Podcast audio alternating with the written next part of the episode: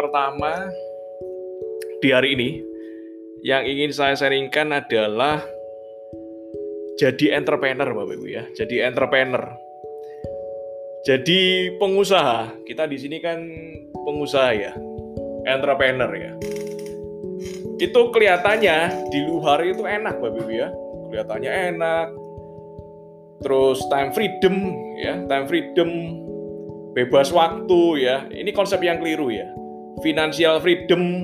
Nah, ini konsep yang keliru. Jadi kalau ibarat Bapak Ibu nonton film itu yang yang tahu ya, yang yang kita tahu itu yang kita baca itu cuman sinopsisnya aja ya. Jadi tiap film itu kan ada yang namanya sinopsis ya, alias kata pengantar ya.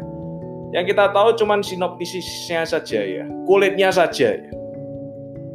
Jadi keliru kalau kita kita berjuang sebagai pengusaha itu mengincarnya adalah time freedom, mengincarnya itu hidup bisa enak-enak ya, mengincarnya hidup itu bisa santai-santai. Keliru Bapak Ibu.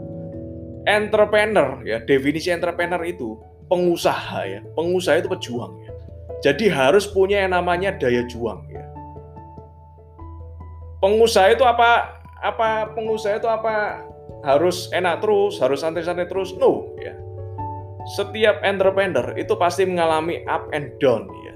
Up and down. Up-nya ya lagi closing banyak, ya timnya berkembang ke mana-mana. Downnya gimana? Ya Bapak Ibu ditolak, ya selalu akan mengalami seperti itu dan itu wajar ya dalam perjalanan Bapak Ibu menjadi seorang entrepreneur ya. Ya, pertanyaannya di sini, ya, pertanyaan di sini.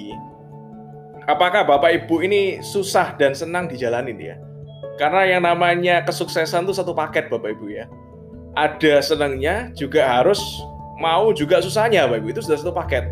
Kebanyakan orang itu yang dicari adalah senangnya doang ya, senangnya doang dapat income besar, ya kan, dapat komisi besar, dikasih mobil ya, capai target. Kebanyakan orang itu yang dilihat tuh senangnya doang ya, tapi tidak melihat sisi susahnya ya. Sisi khawatirnya ya kan, sisi mungkin Bapak Ibu ada yang malu, sisi frustasinya, sisi bosen ya, ini ini aja, itu itu aja. Nah, itu Bapak Ibu. Dan kalau menurut saya ya definisi entrepreneur ya, boro-boro. Jadi kalau pengusaha itu jangan mengincar time freedom ya. Kalau financial freedom is oke okay lah. Tapi kalau mengincar yang namanya time freedom ya, Bapak Ibu merasa bahwa jadi pengusaha saya harus santai-santai karena pengusaha, pengusaha itu kan santai-santai. Bisa mengerjakan bisnisnya sewaktu-waktu.